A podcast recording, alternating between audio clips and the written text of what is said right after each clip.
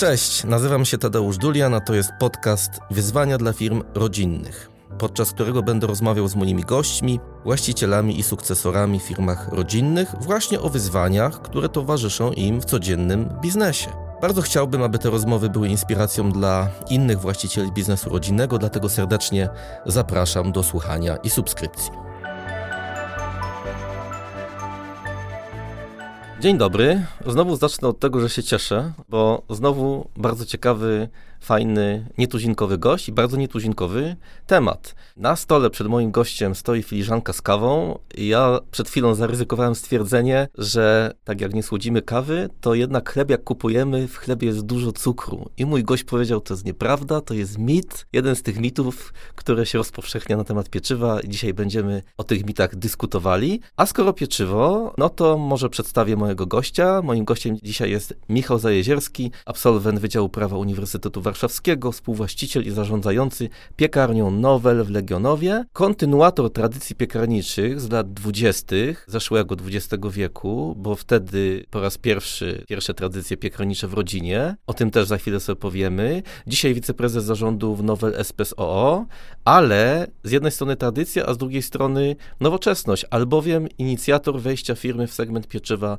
mrożonego. O tym dzisiaj też będziemy rozmawiali. Dzień dobry, panie Michale. Dzień dobry, panie Dodowcze. Panie Michale, tytuł naszego dzisiejszego podcastu wziął się stąd, że pamiętam nasze pierwsze spotkanie kilka lat temu na forum w Krynicy, jak dyskutowaliśmy na temat raportu o firmach rodzinnych wyprodukowanego, stworzonego przez naszą firmę, przez Deloitte i tam było jedno z pytań, które zadaliśmy respondentom badania, dotyczyło finansowania rozwoju. No i oczywiście tam pojawiły się takie typowe postawy czy zdania większości właścicieli firm rodzinnych, że jednak rozwój naszej firmy finansujemy przede wszystkim z własnych środków, samofinansujemy. A pan wtedy do mnie podszedł i powiedział, panie Tadeusz, mnie tu proszę nie wywoływać do odpowiedzi, bo ja jestem kontrprzykładem, dlatego że ja właśnie zdecydowałem się na współpracę z funduszem inwestycyjnym, który zainwestował w moją firmę, dał mi duży zastrzyk pieniądza, dlatego że mamy duże plany inwestycyjne. A zatem pan jest przykładem takiej firmy, tej firmy rodzinnej, która właśnie troszeczkę łamie ten mit samofinansowania własnego rozwoju. Ale do tego za chwilę przejdziemy.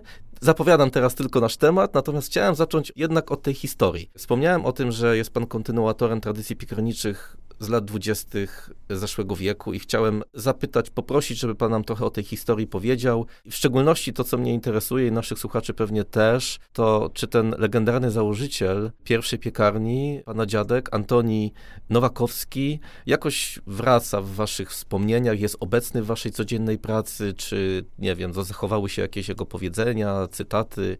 Szczerze mówiąc, to bardziej moja mama szczególnie, no bo to jest jej dziadek, miała, ma, ma sporo wspomnień z nim związanych, dlatego że on zmarł jak ja miałem bodaj dwa lata, więc za dużo nie miałem z nim styczności akurat. Natomiast ja przede wszystkim kojarzę swojego dziadka i swoich rodziców z tej piekarni bardziej. Pradziadek zawsze, on pracował w piekarni w zasadzie od rana do wieczora. Ta piekarnia była od lat 40., drugiej połowy lat 40. na ulicy Daszyńskiego w Nowym Dworze Mazowieckim. Zresztą dalej, ten budynek dalej stoi. Myśmy tam też przez wiele lat mieszkali na początku. W zasadzie do pewnie przez pierwsze 10-12 lat mojego życia mieszkałem nad piekarnią, co miało swoje plusy i minusy. Natomiast można go zobaczyć. Jest też nasz stary sklep, który no już teraz nie funkcjonuje w tej chwili od paru ładnych lat. Natomiast no, mogę więcej ja sam opowiedzieć o swoim dziadku, który też był dużym pasjonatem pieczywa, piekarzem takim z krwi i kości. Również całe życie swoje w piekarni spędził od rana do wieczora. Stanisław Nowakowski. I babcia moja pracowała w piekarni, moja mama i potem tata i ciocia, bo mama ma siostrę i brata i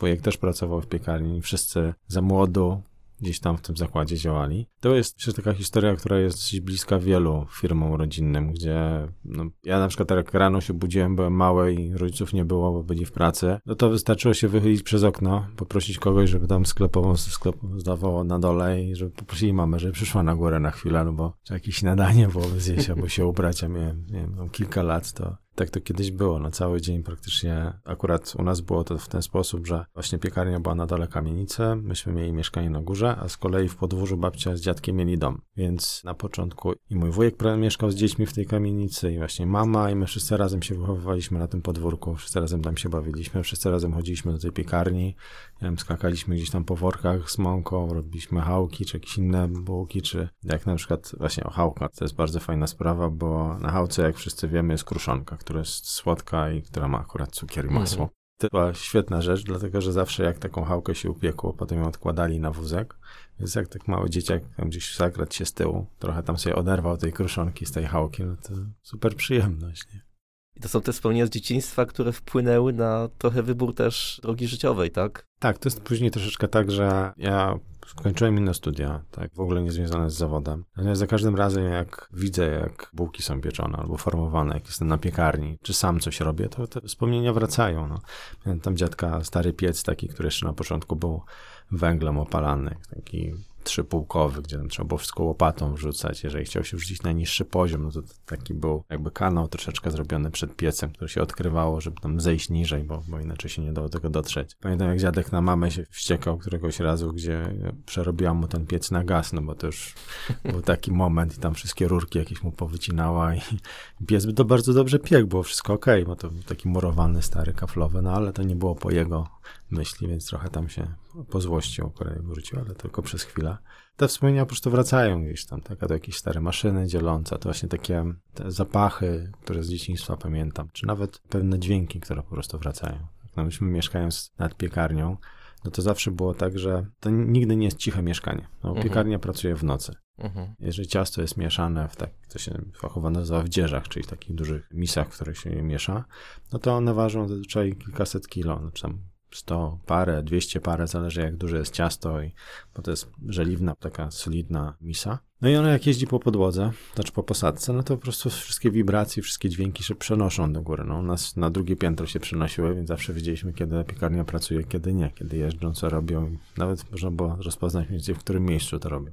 Więc ten hałas zawsze gdzieś tam nam towarzyszy. I jak jestem u siebie na produkcji w tej chwili w piekarni, no to trochę inna skala, trochę większe urządzenia, ale niektóre elementy są bardzo podobne. Mhm. Czy coś z tej tradycji zostało? Idziemy w kierunku pewnie nowoczesnych rozwiązań, ale ta tradycja nam cały czas jednak towarzyszy, prawda? Tak, no tradycja też towarzyszy przede wszystkim w recepturach. To jest bardzo ważna rzecz. Bardzo dużo informacji się pojawia u nas w prasie. Bardzo wielu dietetyków czy też coachów żywieniowych podkreśla, że no pieczywo, które jest zamrożone, czy które jest w supermarkecie, to jest w ogóle, to nie jest chleb, to świeci, to ma nie wiadomo co tam jeszcze w swoim składzie. To nie jest prawda. Dużo receptur, które mamy w tej chwili, w zasadzie większość, to są receptury bardzo naturalne. Znaczy my z krótkim składem, bez dodatków i bez konserwantów, które mają czystą etykietę, które no, my nie potrzebujemy takich rzeczy po prostu używać. Dlatego, że u nas głównym konserwantem jest po prostu mrożenie. Wrzucamy to do dużej zamrażarki, krótko mówiąc, gdzie powietrze sobie krąży tam o temperaturze minus 30 stopni i zamraża ten chleb. Następnie ten chleb przewozimy do klienta, klient sobie rozmraża i wypieka do końca. Ja zawsze mam jedno pytanie wtedy na to, czy pan, pan, czy żona, czy może znajomi, jeżeli robicie państwo mięso na przykład, kupujecie do domu, zamrażacie to mięso, albo truskawki, albo nie maliny, cokolwiek innego, to jaki konserwant dodajecie do tego? Żadnych. Żadnych bo nie ma po co. Mhm. A to prawda, ja rzeczywiście mrożę chleb. No ale tak, rzeczywiście chyba można powiedzieć, że wy jesteście jednym z prekursorów tego mrożonego pieczywa w Polsce. To nie jest taki bardzo powszechny trend. Cały czas jest ta dyskusja jeszcze jednak, że pieczywo mrożone versus świeże i tutaj się strony spierają i ta dyskusja jest chyba taka dosyć gorąca. Znowu wracając do tego początku naszej rozmowy, jak mówiliśmy o tym, że ten cukier, tak, że jest słodki chleb, pan powiedział, że nie, nie zgadzał się absolutnie. Jak wy walczycie z tym? Jakie się pojawiają pojawiają właśnie takie stereotypowe, jakieś negatywne konotacje związane z mrożonym pieczywem i jak z tym walczycie. Też mnie interesuje, czy to jest taki trend, który jest must be dla przemysłu piekarniczego już dzisiaj w tej chwili, jak pan to ocenia? Znaczy, to jest trend, który się pojawił na rynku około 20-20 kilku lat temu. W zasadzie moja rodzina jako pierwsza zaczęła robić produkty mrożone w latach 90. w Polsce. Następnie no, doszli inni producenci. Teraz tych producentów jest o kilku tak naprawdę, takich dużych, liczących się. W większości jest to kilka firm polskich, też rodzinnych, ale w dużej części też to są koncerny firmy międzynarodowe Część z nich rodzinna, część nie, ale jednak międzynarodowe, które mają centralę poza Polską. I cóż, my dzisiaj mamy około 19-20% rynku pieczywa w Polsce, jako branża pieczywa do dopieku. Tak naprawdę patrząc na kraje Europy Zachodniej, to ciągle jeszcze nam brakuje pewnie drugie tyle do tego, żeby mniej więcej osiągnąć ten sam poziom udziału w rynku, co jest tam. Tak naprawdę dzisiaj, z mojej perspektywy, to są dwa rozwiązania na taki rynek pieczywa może nawet powiedzmy trzy. Jeden trochę taki niszowy i to jest trend, który jest bardzo ciekawy, który się odradza od paru lat, można go zauważyć. To jest takie nowoczesne rzemiosło. To są mniejsze piekarnie typu SAM, na przykład tutaj w Warszawie chociażby, czy cała w Mące, która się niedawno też tam otworzyła, czy kilka innych jeszcze takich punktów, gdzie ludzie niezwiązani powiedzmy z pieczywem, bez jakichś największych tradycji, zaczynają wchodzić właśnie w wypiek, doceniają tę rolę pieczywa w żywieniu człowieka, jego dobry wpływ po prostu też na funkcjonowanie organizmu, organizmu, dlatego że dobry chleb czy dobre bułki robione na, na kwasie piekarskim bo tak się fachowo powinno mówić, nie zakwas. Jak to mówi starzy piekarze, to zakwasy są w sporcie, a mamy kwas. Więc mamy kwas piekarski, żytni lub pszenny. To jest naprawdę bardzo wartościowy składnik diety. I to jest tak jakby jeden trend, który widzimy. Drugi, który dzisiaj widzimy na rynku, to są sieci sklepów. Właśnie takie jak chociażby tutaj w Warszawie Putka, czy Galeria Wypieków, czy Grzybki, które mają dosyć dużą też tradycję rzemieślniczą. To są piekarze też od, od dziada pradziada, dziada, pradziada mhm. tak? I którzy gdzieś tam im było nie po drodze z sieciami albo po prostu stwierdzili, że lepiej im jest rozwijać własną markę i własne sklepy i to bardzo fajnie wychodzi. Są głównie produkty świeże, czasami jakieś tam mrożone. Natomiast ten koncept jest trochę ograniczony terytorialnie, no bo jeżeli któryś z nich chciałby rozszerzyć działalność, chociażby o Kraków, czy o, o aglomerację śląską, czy o Trójmiasto, no to w większości przypadków musi tam otworzyć drugi zakład piekarniczy. Mhm. A z pieczywem trochę jest tak, że to nie jest taka produkcja, powiedzmy, tradycyjna, przemysłowa, dlatego że chleb żyje. Od momentu, gdy zmieszamy pierwsze składniki, to po prostu ten produkt zaczyna nam żyć. Czy ciasto zaczyna nam rosnąć, tak? Jeżeli uformujemy bułkę, ona nam dalej rośnie. Potem musimy ją upiec. To jest tak naprawdę proces, który się cały czas zmienia i dynamicznie gdzieś tam się rozwija w trakcie produkcji. I nie jest tak, że możemy sobie to jakoś tam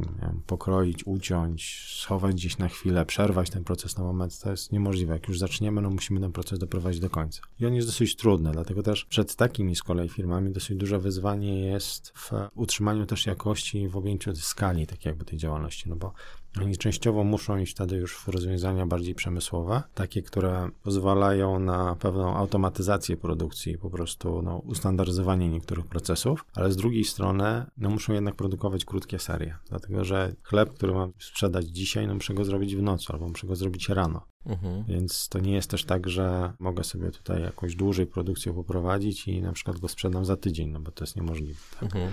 I trzeci taki trend główny to jest właśnie pieczywo do dopieku, które jest bardzo wygodne dla naszych klientów, dla choreki, dla właśnie nowoczesnego handlu. Dlatego, że po pierwsze daje im duże bezpieczeństwo żywności i tego, jaką ten produkt ma jakość, jaką to pieczywo ma jakość, dlatego, że sieci nakładają na nas szereg obowiązków wynikających właśnie z różnych certyfikatów bezpieczeństwa. Głównie w tej chwili to są dwa certyfikaty BRC lub IFS i oba w najwyższym stopniu są niezapowiedziane. To znaczy, krótko mówiąc, że każdego dnia o każdej godzinie może przyjść audytor i po prostu sprawdzić, czy zakład spełnia ich wymagania. Ponieważ też wymagania rosną nam z roku na rok, dlatego że też sieci same rozwijają swoje, takiego podnoszą też ten poziom bezpieczeństwa u siebie, więc my musimy nadążyć, chcąc być ich dostawcą, no to zawsze dochodzą pewne nowe rzeczy, które trzeba w tym systemie wdrożyć. Druga rzecz to jest też produkt, który, nasze pieczywo jest też bardzo przyjazne dla środowiska, dlatego że po pierwsze my możemy bardzo dobrze zoptymalizować sobie proces produkcji, czyli jeżeli na przykład robię, załóżmy kajzerkę albo na przykład jakąś bagietkę taką bardziej rzemieślniczą, to mogę tą bagietkę robić przez 3 dni. Mogę sobie zamówić większą linię, która ma bardzo małe straty energii, bardzo małe straty ciepła przede wszystkim, mniej gazu wtedy zużywam. Owszem, zamrażam ten produkt, ale jednocześnie ja wysyłam produkt bezpośrednio do swojego klienta, do magazynu centralnego, a on potem razem z całą resztą asortymentu też wozi do siebie do sklepu. Więc ograniczamy tak jakby wpływ no, zanieczyszczeń wynikających z transportu, tak, czego przy mniejszych piekarniach jest ciężko zrobić, no bo jeżeli mamy świeży produkt, no to po prostu musimy pojechać do tego sklepu dwa, trzy, cztery razy dziennie, żeby to pieczywo miało jakiś sens. Zresztą do tego też mówi się, że jeżeli chodzi o pieczywo świeże, to często jest tak, że znaczy nie opłaca się go wozić dalej niż tak 100-150 kilometrów, bo po prostu już czas przyjazdu jest tak długi, że ona już starzeje się i już on przestaje być aż tak bardzo atrakcyjny. Mhm. Ważnym też czynnikiem u nas jest to, że to nasze pieczywo jest bardzo łatwo w obsłudze. W sensie, że jeżeli nasz klient ma zaprogramowane odpowiednie parametry wypieku u siebie w sklepie, to każdy praktycznie jest w stanie wyjąć te produkty, ułożyć sobie bułki czy chleby na blaszce, włożyć do pieca, włączyć program, poczekać aż się zrobi, wyjąć i ma gotowy chleb. To można też w domu robić bardzo szybko. Ja na przykład całe pieczywo, które ja musimy w domu jest mrożone, bo dużo łatwiej jest mi po prostu, mi albo żonie głównie, wstać troszeczkę wcześniej, włączyć piekarnik, po prostu odpiec tam parę bułek na śniadanie czy na kolację i mieć ciepłe i świeże pieczywo. A poza tym my nie mamy zwrotów tak naprawdę. Mamy to, co jest bardzo ważną i bardzo istotną taką częścią biznesu w e, pieczywie świeżym, są zwroty. To pamiętam, jak myśmy kiedyś robili też świeże produkty, to zawsze był bardzo duży problem z tym, że no, coś ktoś zamówił, dostarczyliśmy, wtedy jeszcze w koszach woziło się ten chleb. Ja na przykład z tatą też często jeździłem, czy na przykład z kierowcami gdzieś tam, jak byłem pod koniec podstawówki, na przykład tutaj po Warszawie, po różnych sklepach, dostarczając pieczywo w koszach. No i to zawsze tak było, no jak sklep zamówił, wszyscy się cieszyli, bo chciał trochę więcej, no ale potem na przykład następnego dnia się okazało, że wiem, połowę na przykład, czy 30 parę procent się nie sprzedało i trzeba było ten chleb od niego zabrać, tak? Dużo. Dużo, tak. Bardzo często zwroty, szczególnie w takich sklepach zewnętrznych, dochodziły właśnie tak do 25-30%. To jest dużo. Przy pieczywie mrożonym, jako producenci zwrotów nie odbieramy w ogóle. Dlatego też nasi klienci, też żeby u siebie ograniczyć odpisy i straty, bardzo dobrze planują sobie wypiek. Poza tym też jest tak, że oni są w stanie dosyć szybko reagować na potrzeby klientów, konsumentów i w ciągu dosłownie tam 20 minut, pół godziny są w stanie zapełnić półkę, jeżeli po prostu czegoś im zabraknie. Mhm. Więc wypiekają wtedy, kiedy trzeba. Trochę mhm. tak jak powiem on demand, tak? Wtedy, kiedy jest zapotrzebowanie, wtedy po prostu jest ten produkt wypiekany. Dzięki czemu też no, te straty są dużo, dużo mniejsze i oni praktycznie, nie wiem, 3-5% to nie przekraczają w zasadzie. Mhm. Ale to chyba jeszcze nie jest to trendem, ani nie ma takich możliwości na rynku, czy tych produktów takich mrożonych dla konsumenta detalicznego, tak? Bo pan mówi o tym, że pan sam wypieka albo żona wypieka, no ale pan jest dla siebie sam dostawcą. Czy ja mogę jako konsument kupić gdzie? Mamy kilku klientów, chociażby Carrefour czy Tesco też miało takie produkty. Myśmy po prostu w zeszłym roku mieli jeden mały taki, że powiem, szok wywołany koronawirusem, który wynikał z tego, że w marcu wszyscy się spodziewali, nasi klienci, tego, że będzie bardzo dużo oblężenie sklepów, że tych ludzi właśnie będzie sporo, że skoro będziemy zamykali restauracje, to wszyscy przyjdą i będą kupowali produkty w marketach. I tak faktycznie było. Natomiast w kwietniu rząd podjął decyzję przed świętami wielkanocnymi o tym, że te markety trzeba trochę ograniczyć ilość osób. Dodatkowo pojawiły się takie nieprawdziwe informacje o tym, że wirus się przenosi na pieczywie tam 10 dni, czy jakoś tam dłużej. wirus można zamrozić i jak się potem dopiecze pieczywo, to... Tak, no ale tak było, więc tutaj z kilku, że tak powiem, kierunków dostaliśmy takie trochę negatywne, było kilka negatywnych czynników, które wpłynęły po prostu na to, że no, musieliśmy zatrzymać produkcję tak naprawdę pierwszy raz w ogóle w historii, na chwilę. To w sumie porównując do innych branż, to u nas to i tak był niewielki wpływ, no ale się tak stało. Natomiast był to taki moment, w którym Chyba tak jak w wielu firmach, trochę nie widzieliśmy, co się będzie dalej działo, więc jak to też pewnie w wielu firmach rodzinnych, wykasaliśmy rękawy. W dwa tygodnie zrobiliśmy markę Domowa Piekarenka razem z e, opakowaniem, z tłumaczeniami na inne języki, z e, rozwiązaniami technicznymi, żeby to zapakować i wdrożyliśmy to wszystko do chyba pięciu czy sześciu sieci handlowych i w trzecim tygodniu te produkty już były w sprzedaży. Mhm. I one zostały w sprzedaży. To nie jest duża część rynku, ale one są, może sobie kupić kajzerki, takie bułki śniadaniowe, przecinane, ciabaty, w zależności co tam jest potrzeba. Co chyba po 10 albo po 12 sztuk pakowane i wziąć do domu, zamrożone w domu odpiec. Czyli kolejny trend. Tak, ale taki na razie bardzo mały. Mhm. Ale to pewnie będzie się rozwijało, można pewnie rzeczuwać. Ja bym chciał wrócić jeszcze do tego pieczywa mrożonego, tej waszej decyzji, bo zakładam, że no to trochę tak jest, że pan jest sukcesorem, można powiedzieć, biznesu, który tam jest rozwijany. Dzisiaj to jest czwarte pokolenie. Ten sukcesor zawsze do biznesu rodzinnego wnosi jakiś nowy pomysł, jakąś próbę przekierowania tej działalności, dostosowania jej do trendów rynkowych, do potrzeb mhm. dzisiejszych, których czasami ci założyciele na storze nie do końca rozumieją i tak mają takie parcie do tego, działajmy tak, tak jak zawsze było, to było dobrze, tak działajmy. I tak sobie myślę, że to jest właśnie trochę taki znak czasu, że to właśnie pana rękami nastąpiło to przekierowanie w kierunku pieczywa mrożonego. Nie, nie do końca tak. No. Ja, dlatego, że już to tak naprawdę moja mama już wcześniej poszła w no, kierunku ale to trzecie pokolenie. Trzecie pokolenie, Też tak, to się zgadza, tak. Mama moja jest dosyć otwarta na takie różne nowe pomysły, więc się tutaj nie zamyka co do Mhm. właśnie jakichś nowych rozwiązań czy nowych produktów. Myślę, że bardziej moim wkładem było to, że właśnie zaczęliśmy z funduszem współpracować i że się trochę otworzyliśmy, powiedzmy, na taką współpracę bardziej między nawet konkurentami czasami, wychodząc z założenia, że no cóż, jeżeli nie wszystko sami robimy, to czasami możemy coś od kogoś kupić po prostu, tak? Mhm. Jeżeli mamy gdzieś możliwość sprzedaży, czy dostęp do danego kanału sprzedaży, możemy po prostu uzupełniająco sobie jakiś tam produkt kupić, czego wcześniej nie robiliśmy, no bo to trochę jest tak może w tym, starszym pokoleniu, szczególnie tym z lat 90., że no, każda firma obok to jest już konkurent i tam bardzo mocno trzeba ze sobą konkurować. Natomiast Mhm. to chyba jest większa różnica. No i być może też to, że trochę skalę też żeśmy inną złapali. Po No właśnie. poszliśmy w dosyć duże maszyny i dosyć duże rozwiązania. Te dwie rzeczy są ze sobą powiązane. To pieczywo mrożone, bo to można na małą skalę robić, ale ten fundusz również, który dawał możliwości zainwestowania w linie technologiczne i takiego rozwoju bardzo dużego, skokowego. Chciałem się zapytać o to, zanim jeszcze przejdziemy do takich praktycznych aspektów, jak to jest mieć fundusz w firmie swojej, z czym to się wiąże, jakie są ryzyka, no i pozytywy, no bo na pewno są, inaczej byście tego nie robili. Inne firmy rodzinne też. To chciałem jeszcze zapytać o ten efekt przejścia w pieczywo mrożone, no bo dzisiaj tak naprawdę tak jak pan mówi, świeże do 150 km, mrożone, jak rozumiem, gdzieś tam trafia nawet, czytałem na waszej stronie, do Kanady, do Stanów Zjednoczonych, do Korei. To tak naprawdę bez ograniczeń. Na koniec świata też na Antarktydę byście mogli wysłać, Tak, gdyby oczywiście. był na to popyt i była, i była Niższe koszty potrzeba. mrożenia by tam były.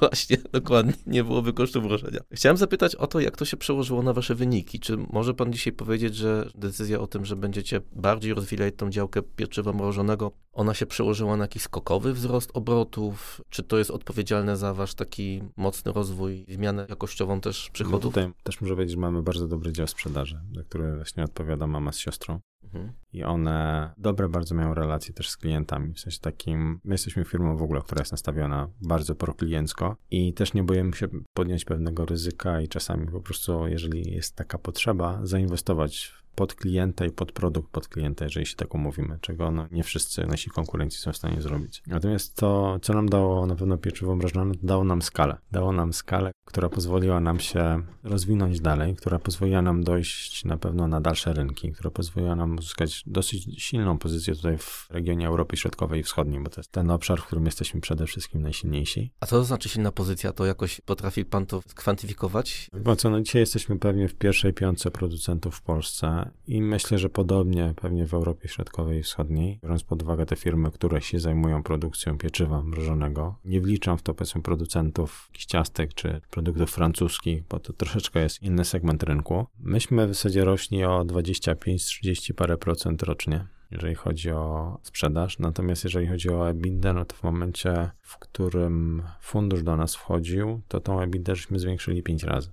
Mhm. To też jest tak, że z jednej strony te środki funduszu, one tak naprawdę nam pozwoliły utrzymać tempo rozwoju. Nasz główny cel, jaki chcieliśmy uzyskać po prostu decydując się na to, żeby wszedł fundusz, dlatego że my jesteśmy na tyle specyficznej może jeszcze branży, że ona wymaga bardzo dużych nakładów inwestycyjnych. Jeżeli popatrzy pan na produkty nasze, które są na półkach, czy w ogóle pieczywo w Polsce, które jest bardzo, bardzo tanie, w zasadzie oprócz chyba Bułgarii to najtańsze w Europie na kilogram, podczas gdy koszty wszystkie w tej chwili prowadzenia działalności są dosyć wysokie, dosyć szybko rosną i praktycznie już myślę, że jeszcze jak tak dalej to tempo się utrzyma, to niedługo dogonimy Niemców. No to już naprawdę, przynajmniej jeżeli chodzi o energię i o ceny mąki, to nam już niedużo brakuje. Mhm. Jeszcze trochę wynagrodzeniami gdzieś tam od nie odstajemy, ale też to nie jest już tak, jak było kiedyś. Natomiast no, te koszty, to pieczywo jest dosyć tanie w Polsce i u nas jedna taka linia to jest wydatek rzędu kilku do kilkunastu milionów euro, więc no, trzeba trochę tych bułek nasprzedawać i chlebów, żeby na to zarobić. Więc my też, widząc rozwój rynku i chcąc gdzieś tam za nim nadążyć i nie stracić, jak to nasz jeden klient mówi, no jeżeli się tego nie zrobi teraz, nic zainwestuje, to pociąg po prostu odjedzie, więc no, nie chcielibyśmy, żeby ten pociąg nam odjechał, dlatego też się zdecydowaliśmy na fundusz, żeby jednak móc utrzymać to tempo rozwoju, które mieliśmy do tej pory wcześniej. Jasne, ale może znowu, zanim do funduszu, bo jeden Mhm. wątek mi tutaj się pojawił, skoro to pieczywo jest tanie, tak, a wy z kolei macie dostęp do rynków zagranicznych, jesteście w stanie do nich dotrzeć, tak, no bo mrożone, czy to znaczy, że podbijacie te rynki, że obserwujecie jakby łatwość wejścia w te rynki, nie wiem, niemiecki, francuski, europejskie w ogóle? To zależy od rynku bardzo dużo. Część rynków jest dosyć hermetycznych i tam no, nie jest też się łatwo dostać, tak jak chociażby rynek niemiecki czy czeski i bardzo trudno jest tam wejść po prostu nie mając albo dystrybutora, albo jakiegoś swojego oddziału tam na miejscu. Też nie jest przypadek, że wiele polskich firm po prostu kupuje tam producentów, bo takie jest im najłatwiej, szczególnie w Niemczech, zaistnieć takie ustabilizowane, dojrzałe brandy, które są tak. rozpoznawalne tam i one zostają, natomiast zmieniają właściciela. Tak, tak, dokładnie tak. Natomiast jeżeli chodzi o pozostałe rynki, tak, to dużo ułatwia, bo my dzięki temu jesteśmy w stanie konkurować i cenowo, i jakościowo. W Polsce mamy naprawdę dobrej jakości pieczywo, więc i cenowo, i jakościowo jesteśmy w stanie konkurować z tamtymi producentami. Też mając odpowiednią skalę i, i, wielkość produkcji, operacyjnie jesteśmy po prostu lepsi niż czasami konkurencja, czy ze Słowacji, czy z Węgier. Też dzięki temu, że Polska jest jednak dużym rynkiem, bo jest te 30 parę milionów osób, no dużo większym niż Słowacja czy Węgry i łatwiej nam było się tutaj rozwinąć i ewentualnie pójść tam dalej niż no, w drugą stronę, prawda?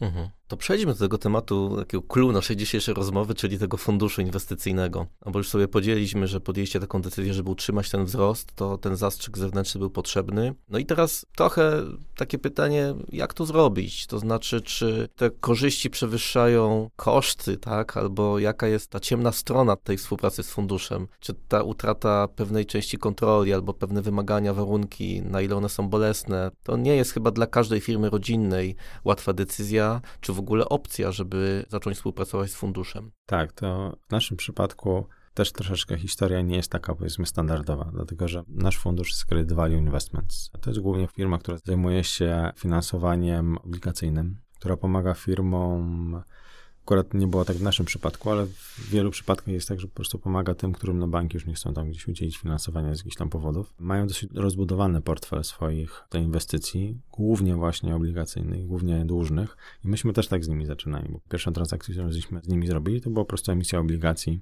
oni objęli, to nam pozwoliło na uruchomienie jednej linii, na trochę rozbudowę jeszcze tam sieci sprzedażowej i przygotowanie się tak naprawdę pod kolejne inwestycje. Natomiast oni, bardzo ważne, tak jak w wielu chyba aspektach w życiu, po prostu są relacje ludzkie i trochę zrozumienie tego, czego się oczekuje od tej drugiej strony.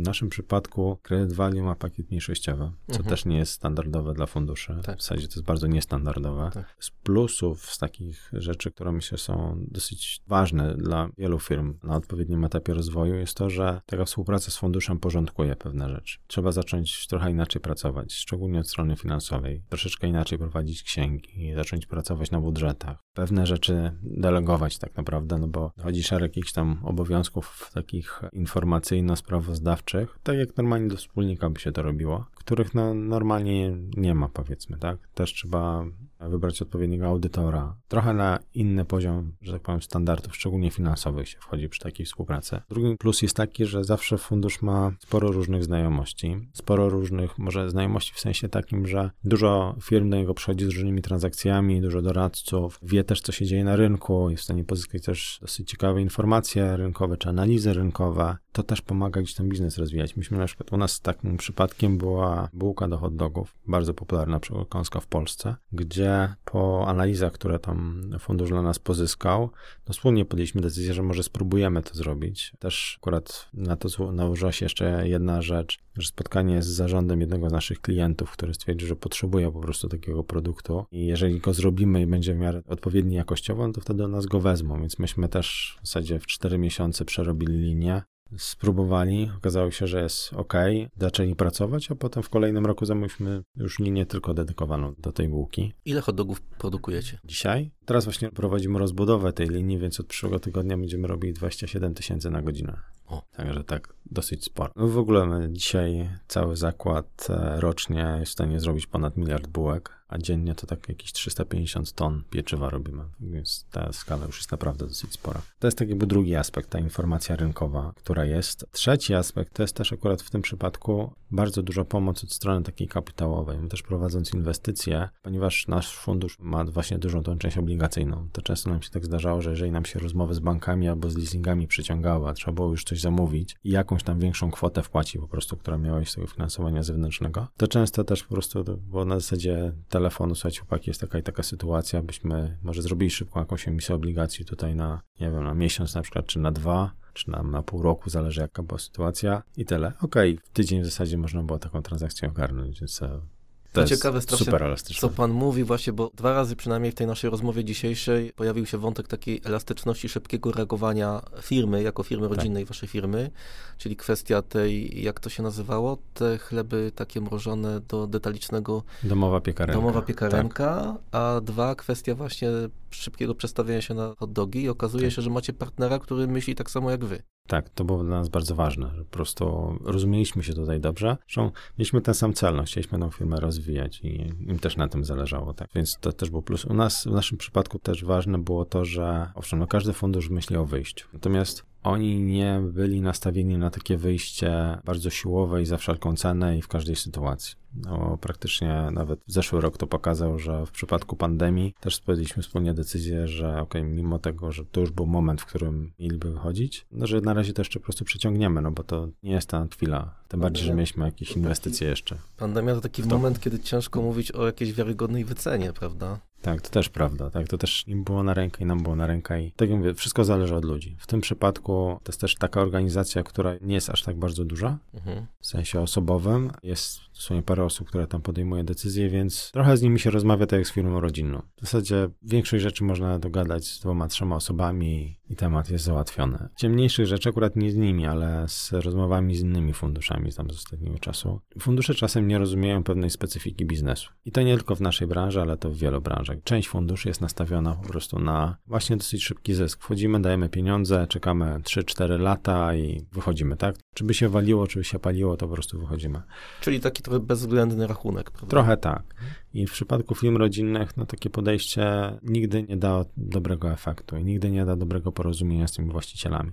Trzeba pamiętać o tym, że główną cechą charakterystyczną firmy rodzinnej, moim zdaniem, jest to, że jest ona bardzo mocno powiązana ze swoimi właścicielami. Bardzo często dla tych właścicieli w zasadzie firma to życie, a życie to firma po prostu, tak? No może każde kolejne pokolenie tam znajduje sobie jeszcze jakieś inne zajęcia, czy spróbuje ten biznes gdzieś dywersyfikować, czy mieć jakąś odskocznię od tego. Natomiast jeżeli faktycznie chce się tą firmę rozwijać i odnieść w niej sukces i gdzieś tam konkurować z dużymi przedsiębiorstwami z zagranicy czy z kraju, no to trzeba się w ten biznes zaangażować po prostu na 200%. No nie ma innej możliwości. No i chyba też trzeba mieć perspektywę taką długoterminową, a siłą rzeczy fundusz jest nastawiony na, tak jak pan mówi, 3-4 lata wchodzimy, wychodzimy, realizujemy zysk, wchodzimy gdzieś indziej, więc to pomnażanie zysku ma zupełnie inną perspektywę niż w firmie rodzinnej. Tak, u nas właśnie też to, że myśmy bardzo dobre wyniki uzyskiwali w trakcie naszej pracy i dosyć szybko pomnażali EBITDA, też spowodowało to, że no, oni nabrali do nas też zaufania w ten sposób, widzieli jak my pracujemy, widzieli jak jesteśmy zaangażowani i tak naprawdę cała strona operacyjna została u nas, tak? W naszym przypadku jest tak, że oni mają tylko dwóch członków Rady Nadzorczej, oczywiście katalog czynności, co do których musimy wspólnie podjąć decyzję jako Rada albo jako walne, natomiast co do reszty, no to w zasadzie mamy pełną dowolność, więc to było bardzo fajne, dlatego że my im ufaliśmy, że oni jakiś głupot nie będą robili. Oni nam też widzą, że idzie wszystko w dobrym kierunku, no bo nadal, że tak powiem, jesteśmy razem i to całkiem fajnie działa.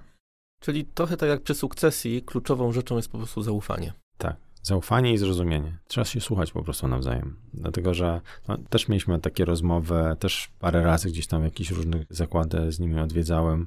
No bo fundusz trochę też ma nastawienie, że najłatwiej jest pomnożyć bindę, czy zwiększyć biznes przez fuzję, przejęcia, zakupy i tak dalej, i tak dalej. Mhm. Okej, okay, czasami się to udaje, ale w wielu przypadkach jest to bardzo, bardzo trudne. I ryzykowne i ryzykowne, tak. I faktycznie, jeżeli jest firma, która ma jeszcze sporo miejsca do tego, żeby rosnąć w tym swoim podstawowej części działalności, no to tak to zostawmy i lepiej nie przeszkadzać, bo będą dużo lepsze efekty po prostu niż w przypadku właśnie jakichś takich szybkich fuzji. Chciałem jeszcze o ten fundusz zapytać, bo tak e, jak się zastanawiałem nad ryzykami współpracy z funduszem, no to mimo tego, że operacyjnie jesteście w stanie bardzo fajnie ze sobą współpracować, dogadać się, każdy sobie ufa, czy nie ma pan takiego wrażenia, że jest jakimś ryzykiem, że ten fundusz zostanie z wami na zawsze? zawsze, bo wartość waszej firmy rośnie, wartość tych udziałów, które są w rękach funduszu również rośnie, a wy cały czas inwestujecie, cały czas się rozwijacie, więc znowu, jak ma pan podjąć decyzję, no to może w tej perspektywie roku, dwóch odkupilibyśmy te udziały, ale z drugiej strony mogę zainwestować, te środki i chyba wolę to drugie zrobić, tak? To powiedział pan o tym, że pandemia odroczyła moment wyjścia funduszu. Czy trochę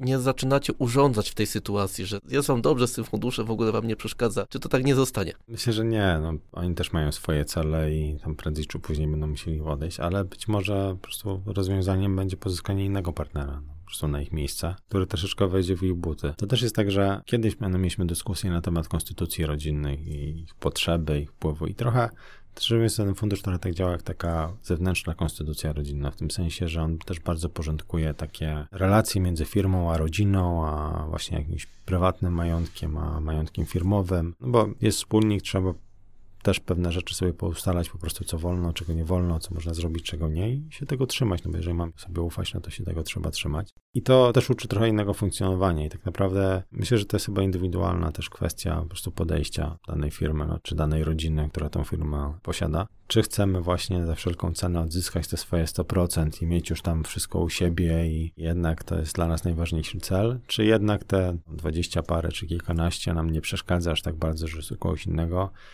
możemy się dogadać w tym sensie, że musimy pewne decyzje podejmować wspólnie, no ale z drugiej strony, tak jak pan powiedział, no inwestujemy te pieniądze w coś innego i pomnażamy tak naprawdę ten majątek, który mamy. Tak? I Dokładnie. na koniec dnia może się okazać, że w ten sposób dużo więcej zyskamy niż byśmy zyskali, no będąc w 100% samym właścicielem. Dokładnie, kontrolę i tak macie, prawda? Tak. Też powiedzmy inne podmioty finansujące, typu banki czy firmy leasingowe, inaczej postrzegają też taką firmę rodzinną, która ma takiego inwestora finansowego to jest dla nich dużo bezpieczniej, bo oni też rozumieją, że w ten sposób no, pewne standardy finansowe muszą w spółce obowiązywać i łatwiej jest dużo pewne rzeczy też wytłumaczyć po prostu, tak? Łatwiej się z nimi rozmawia w jakiś mhm. sposób. No chyba, że ktoś no, nie potrzebuje zewnętrznego finansowania, no wszystko jest w stanie zrobić sama. Są też takie branże, gdzie po prostu no, są na tyle rentowne, czy tak dużo są w stanie wygenerować gotówki, że nie potrzebują polskiego finansowania, to wtedy no, nie ma sensu wpuszczać inwestora. To, moim zdaniem to wszystko zależy indywidualnie od tego, jak dana firma, jaki ma model biznesowy, jak funkcjonuje, jakie ma potrzeby kapitałowe, jaką też ma perspektywę rozwoju, na co musi wydać pieniądze, na co nie. Jasne. Wspominaliśmy kwestię sukcesji i też pomyślałem, że to będzie może fajna okazja do tego, żeby w dwóch słowach nawiązać do tego projektu, nad którym obecnie pracujecie, czyli właśnie projekt Konstytucji Rodzinnej, który, jak rozumiem, tworzycie. Jak z Pana perspektywy wygląda właśnie kwestia długofalowego tworzenia własności, czy projektowania tej własności w kolejnych pokoleniach, kontroli właścicielskiej? Jakie są takie podstawowe elementy, które z Pana perspektywy decydują o powodzeniu sukcesji na kolejne pokolenia? Macie za sobą doświadczenia już kilku sukcesji, w mhm. zasadzie można powiedzieć powiedzieć. Niektóre są pewnie też w toku i teraz już planujecie sobie te kolejne lata, więc chciałem się dowiedzieć i poznać te wasze podstawowe założenia. Wie pan, u nas w domu mama zawsze nas uczyła, że jeżeli idziemy pracować do firmy rodzinnej, to musimy się starać 3-4 razy bardziej niż pracownik tak szeregowy, dlatego że wszyscy na nas patrzą, wszyscy nas obserwują, wszyscy będą nas mówili, czy, że tak powiem, leniuchujemy, czy faktycznie robimy coś i czy warto z nami pracować. I myślę, że to jest też coś, co ja swoim synom przekazuję, że słuchajcie, jeżeli chcecie coś robić, to musicie się po prostu zaangażować, musicie pracować dużo więcej niż normalny pracownik, dlatego że no to jest wasze, no, tylko od was będzie zależało to, czy dalej to przedsiębiorstwo rozwiniecie tak, jak chcecie, czy nie. Też ja trochę wychodzę z takiego założenia, jakieś miałem na jednym z paneli też dyskusję o tym, że jeżeli chodzi o sukcesję, myślę, że bardzo tutaj ważne jest to, jak my dzieci wychowujemy, co te dzieci wynoszą z domu. Możemy robić różne konstrukcje, możemy wprowadzać przepisy dotyczące sukcesji, możemy pisać konstytucję, możemy robić naprawdę mnóstwo różnych rozwiązań, ale jeżeli zaniedbamy ten podstawowy nasz obowiązek wychowania i nauczenia dzieciaków odpowiednich wartości i podejścia do życia i tego, co w tym życiu naprawdę jest ważne, to nic z tego nie będzie na koniec dnia. Ja widziałem parę takich przykładów, nawet gdzieś tam u nas w sąsiedztwie, gdzie po prostu no, rodzice firmę budowali, nie mieli za bardzo czasu na te dzieciaki, a to coś im kupowali, a to dawali pieniądze, a to coś tam innego. No i na koniec dnia tak naprawdę nic z tego nie wyszło nie byli nastawieni w ogóle psychicznie ci ludzie do tego, że no jednak trzeba zakasać rękawy, że to jednak trzeba zasuwać od rana do wieczora, czy w taki, czy w inny sposób, myśleć o tym cały czas i gdzieś tam starać się planować i wziąć na siebie też odpowiedzialność, no bo tak jak w naszym przypadku to jest 300 kilkadziesiąt osób, które zatrudniamy dzisiaj. To są też ich rodziny, to są miejsca pracy, to są dostawcy, odbiorcy. To jest dosyć duża odpowiedzialność, tak, która ciąży na takim przedsiębiorcy i tak naprawdę no, każda decyzja ma mniejszy albo większy wpływ na to, jak cały ten łańcuszek będzie funkcjonował, czy ktoś będzie miał wystarczająco później pieniędzy, na przykład taki dostawca na to, żeby u siebie też pewne inwestycje robić, czy nie. I tutaj też bardzo ważne są relacje z klientami. Też klienci powinni zrozumieć i w dużej mierze rozumieją akurat ci, których my mamy, w zasadzie większości, że no, to też nie jest tak zero-jedynkowo, że tutaj cię przycisnę dzisiaj, a potem będę nie wiadomo, co od ciebie oczekiwał, no bo musi być jakieś tam miejsce na to, żeby móc się rozwijać, tak? W każdym przypadku. A to właśnie chciałem zapytać, to doświadczenie pracy z sieciami handlowymi jest troszkę innym doświadczeniem niż ten kanał sprzedażowy, jakim jest sieć sklepów własnych, nad którymi ma się kontrolę i o których się decyduje samemu. A współpracując z dużymi sieciami, tak naprawdę nie jesteśmy w pozycji dominującej, tylko raczej jesteśmy w pozycji tego mniejszego dostawcy, ale z drugiej strony bardzo potrzebnego. Pamiętam tą kampanię reklamową Lidla, kiedy pan był na billboardach i zdjęciach opisany jako polski dostawca. My w Lidlu tutaj kupujemy od polskich dostawców. Jakie są te pana doświadczenia? I też pamiętam też taką naszą rozmowę, że wy się zastanawialiście nad tym, żeby jednak tą sieć sklepów własnych czy kawiarenek własnych jakoś inkorporować, jako rozumiem uzupełnienie raczej tego kanału, mhm. jakim są sieci, prawda? Tak, no trochę żeśmy się nad tym zastanawiali, natomiast też powiedzmy potrzeby rozwoju nas firmy i też operacyjne zadania, które mamy przed sobą na razie gdzieś tam nam nie pozwalały na to, żeby się aż tak mocno dywersyfikować. Natomiast jeżeli chodzi o współpracę z sieciami, to znowu jest podobnie tak jak z tym funduszem. To dużo też zależy od relacji, od tego, kogo mamy po drugiej stronie. Też dużo zależy od tego, jakie wartości no, ta organizacja wyznaje po drugiej stronie, bo często jest też tak, że jak się kupcy zmieniają, to ok, jest taki okres ten pierwszy, gdzie no, trzeba może nie tyle, że nauczyć, ale po prostu na nowo tak jakby zacząć rozmawiać o naszej kategorii, która jest właśnie specyficzna też przez to, że ten produkt żyje cały czas i pewnych rzeczy się nie da zrobić, albo są trudniejsze, albo łatwiejsze. Natomiast jeżeli też organizacja po drugiej stronie ma pewne swoje wartości, które promuje wśród tych kupców i które im przekazuje i z którymi oni pracują, to jest też łatwiej. To też z jednej strony jest tak, że no okej, okay, no sieć ma w stosunku do nas pozycję taką bardziej dominującą. Może nie bardzo dominującą, ale jest na pewno silniejszym odbiorcą, no bo to oni ostatecznie u siebie ten produkt sprzedają pod swoją marką, naszej marki nigdzie gdzieś tam nie ma specjalnie i tutaj na pewno się wydaje, że no w każdej chwili można tego dostawcę zmienić. Natomiast no nie jest tak do końca, dlatego że jeżeli weźmiemy pod uwagę skalę działalności i to nie tylko w naszej branży, ale myślę, że w mięsnej czy w nabiale jest bardzo podobnie, czy w warzywach, to nie jest tak łatwo postawić nagle zakład, który będzie w stanie obsłużyć 600 600, czy 700, czy 800, czy nie 2000, czy 3000 sklepów, czy 5000, tak w przypadku na przykład żabki, na odpowiednim poziomie, odpowiednim produktem, serwis levelem na poziomie 98-99%, gdzie zamówienia są składane na 48 godzin przed dostawą, więc praktycznie zawsze trzeba mieć jakiś stok i tym stokiem odpowiednio zarządzać. Poza tym, no to kwestia też właśnie ilości, no pewnych, to nie jest takie proste. To nie jest tak, że można sobie obstryknąć, o już od jutra już będę miał innego dostawcę. Tak się nie da po prostu, tak? To jest za duża dziura, by wtedy powstała czujecie się w miarę bezpiecznie. Czujemy się pewnie w tym sensie, że wiemy, co robimy, wiemy, jakie mamy produkty, jakie mamy jakość i co też dajemy swoim klientom. Tak jak mówiłem wcześniej, my jesteśmy też tak bardzo nastawieni prokliencko, więc dużo rzeczy jesteśmy w stanie zrobić trochę szybciej niż nasza konkurencja, albo po prostu trochę bardziej zaryzykować, jeżeli faktycznie widzimy, że klient jest zainteresowany danym jakimś takim projektem ciekawym. Mhm. Wspomniał Pan o wartościach jako istotnym elemencie sukcesji, wychowywania dzieci, budowania tego odpowiedzialnego sukcesora w przyszłości, ale też wartościach jako istotnym elementem utrzymywania, rozwijania relacji nie tylko klienckich, ale też pewnie z dostawcami, z wszystkimi mhm. interesariuszami. To proszę nam powiedzieć dwa słowa Jakie te wartości z Pana perspektywy, z perspektywy y, piekarni nowe są istotne? Pewnie już macie przedyskutowane je w trakcie pracy nad Konstytucją Rodzinną, więc pewnie możecie podzielić się z nami, słuchaczami, jakie dla Was są te podstawowe wartości, które wyznajecie. My się zawsze z siostrą śmiejemy i z żoną moją, że nasza mama ma takie podejście, mówi, okej, okay, okej, okay, coś się udało, ale trzeba pamiętać, że coś tu jeszcze jest do zrobienia, więc zawsze to jest na pierwszym miejscu jest ta pokora, nie można nigdy zapominać o tym, że może nie tyle, że trzeba się pilnować, tylko po prostu, no, żeby gdzieś tam nie odlecieć za bardzo. To jest raz. Druga rzecz to jest szacunek, na pewno trzeba mieć odpowiedni szacunek dla pracowników, dla właśnie dostawców, dla klientów, słuchać ich, patrzeć, jakie też trochę mają potrzeby i gdzie możemy jakiś wspólny cel po prostu osiągnąć. I taka też przejrzystość relacji. Czasami zdarza się tak, ja miałem takie sytuacje z niektórymi dostawcami, z którymi już raczej już teraz nie współpracuję, no, że ktoś no, nie mówił po prostu otwarcie, a coś tam niby chciał zaoferować, a potem się okazało, że a tu coś tam wykreślił, coś tam zrobił, coś tutaj odchudził albo coś tam. Na dłuższą metę to w ogóle nie działa. Jeżeli mamy pracować z jakimś czy dostawcą, czy z klientem, to musimy być uczciwi wobec siebie, tak? Jeżeli dajemy taki produkt, taki chleb, to faktycznie musi być taki, jak obiecujemy i powinien być taki cały czas, a nie możemy w trakcie robić sobie tutaj jakichś zmian.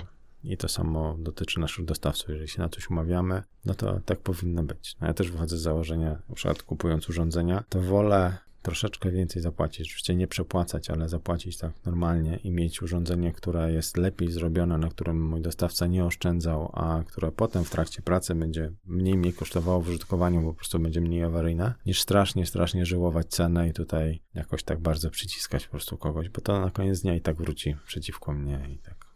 No właśnie, czyli znowu wracamy do tej perspektywy długoterminowa tak. w każdym aspekcie działalności. Jeżeli chodzi jeszcze o konstytucję, to może taka jedna mała uwaga. Ja też, tak jak rozmawialiśmy kiedyś z naszym partnerem, który nam pomagał tutaj tą konstytucję gdzieś tam pisać, z dr Lewandowską, z Adą, to ja też do takiego wniosku, że ok, możemy tą konstytucję napisać, załóżmy sobie pewne rozwiązania, ale takie rozwiązania, które dotyczą dzisiaj nas, to co dzisiaj my widzimy. Zostawmy też miejsce dla dzieci, żeby one mogły dołożyć swoje cegiełki do tej konstytucji. Absolutnie. Żeby to nie był zamknięty dokument. Mhm. Żeby oni, powiedzmy, ze swoimi doświadczeniami, ze swoimi tak jakby inną już troszeczkę perspektywą, innym podejściem do, też do tych spraw właścicielskich, bo wtedy tych dzieci jest troszeczkę więcej, troszeczkę inaczej te relacje trzeba ułożyć. Powinni mieć możliwość zmiany tej konstytucji troszeczkę też pod siebie, tak? To też pozwoli im się zaangażować gdzieś tam w ten cały proces i też będą traktowały ten dokument jako swój w jakiejś tam części, a nie coś, co tam sobie rodzice wymyślili, narzucili, oj, mają firmę pilnować, bo to jeszcze może im coś zrobimy z tą firmą. To tak to nie będzie działało. Tak, konstytucja działa wtedy, jeżeli jest współtworzona, jeżeli jest to zaangażowanie również emocjonalne, jeżeli to jest napisane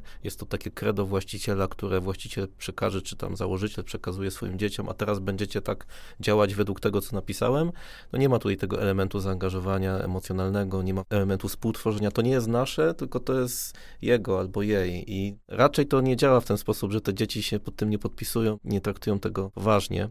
Tak, Więc... no i właśnie wartości to jest też rzecz, która jest bardzo ważna, bo jeżeli nie mamy wspólnych wartości, to nic też z tego nie będzie. Tak jest. Chciałem jeszcze zapytać o rzecz ostatnią. Richard Branson bardzo aktywny w mediach społecznościowych. Ostatnio stworzył taką serię postów pod nazwą Ask Richard, w której on prosi subskrybentów y, tych postów o to, żeby zgłaszali do niego jakieś ciekawe pytania. Co chcieliby się dowiedzieć od Richarda Bransona?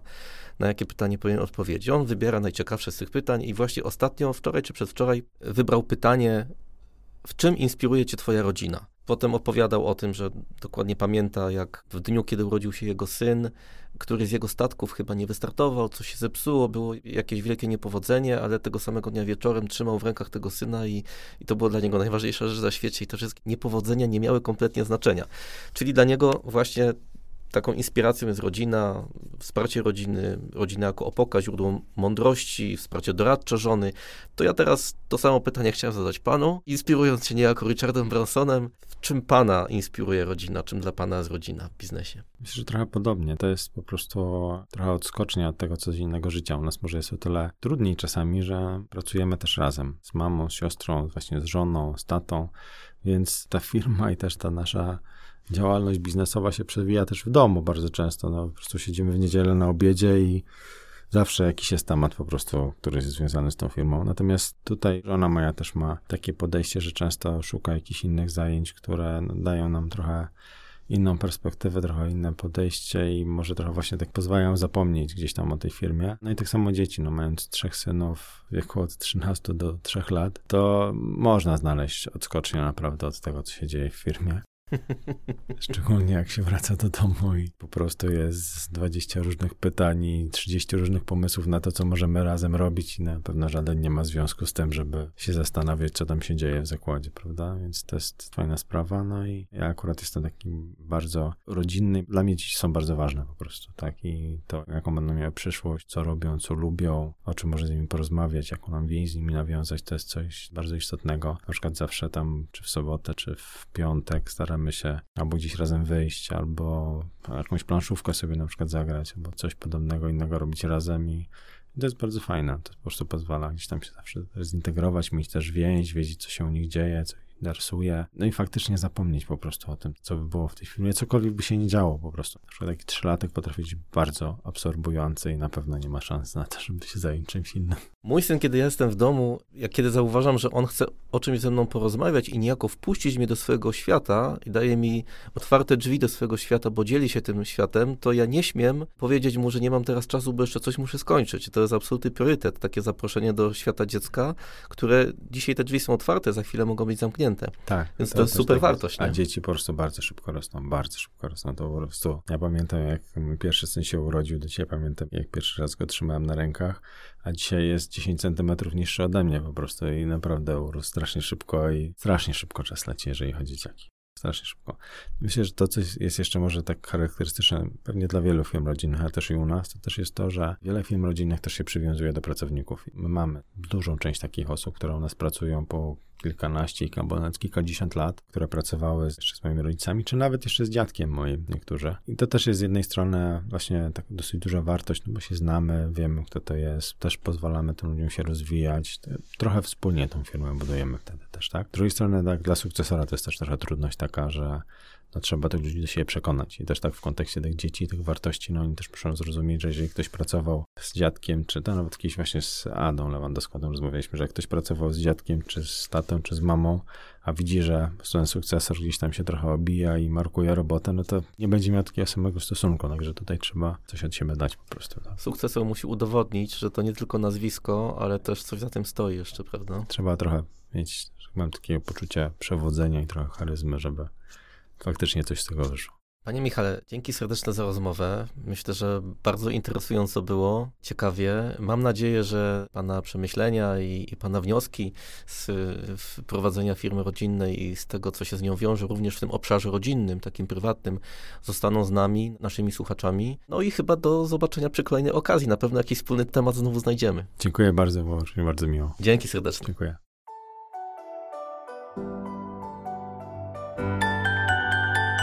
To był podcast Wyzwania dla Film Rodzinnych. Już niedługo kolejny ciekawy gość, a w oczekiwaniu na następny odcinek napisz do mnie, podziel się wrażeniami lub zaproponuj temat lub gościa podcastu. Znajdź mnie na LinkedIn albo napisz na adres tedulian.deloitte.com. Do usłyszenia. Tadeusz Dulian.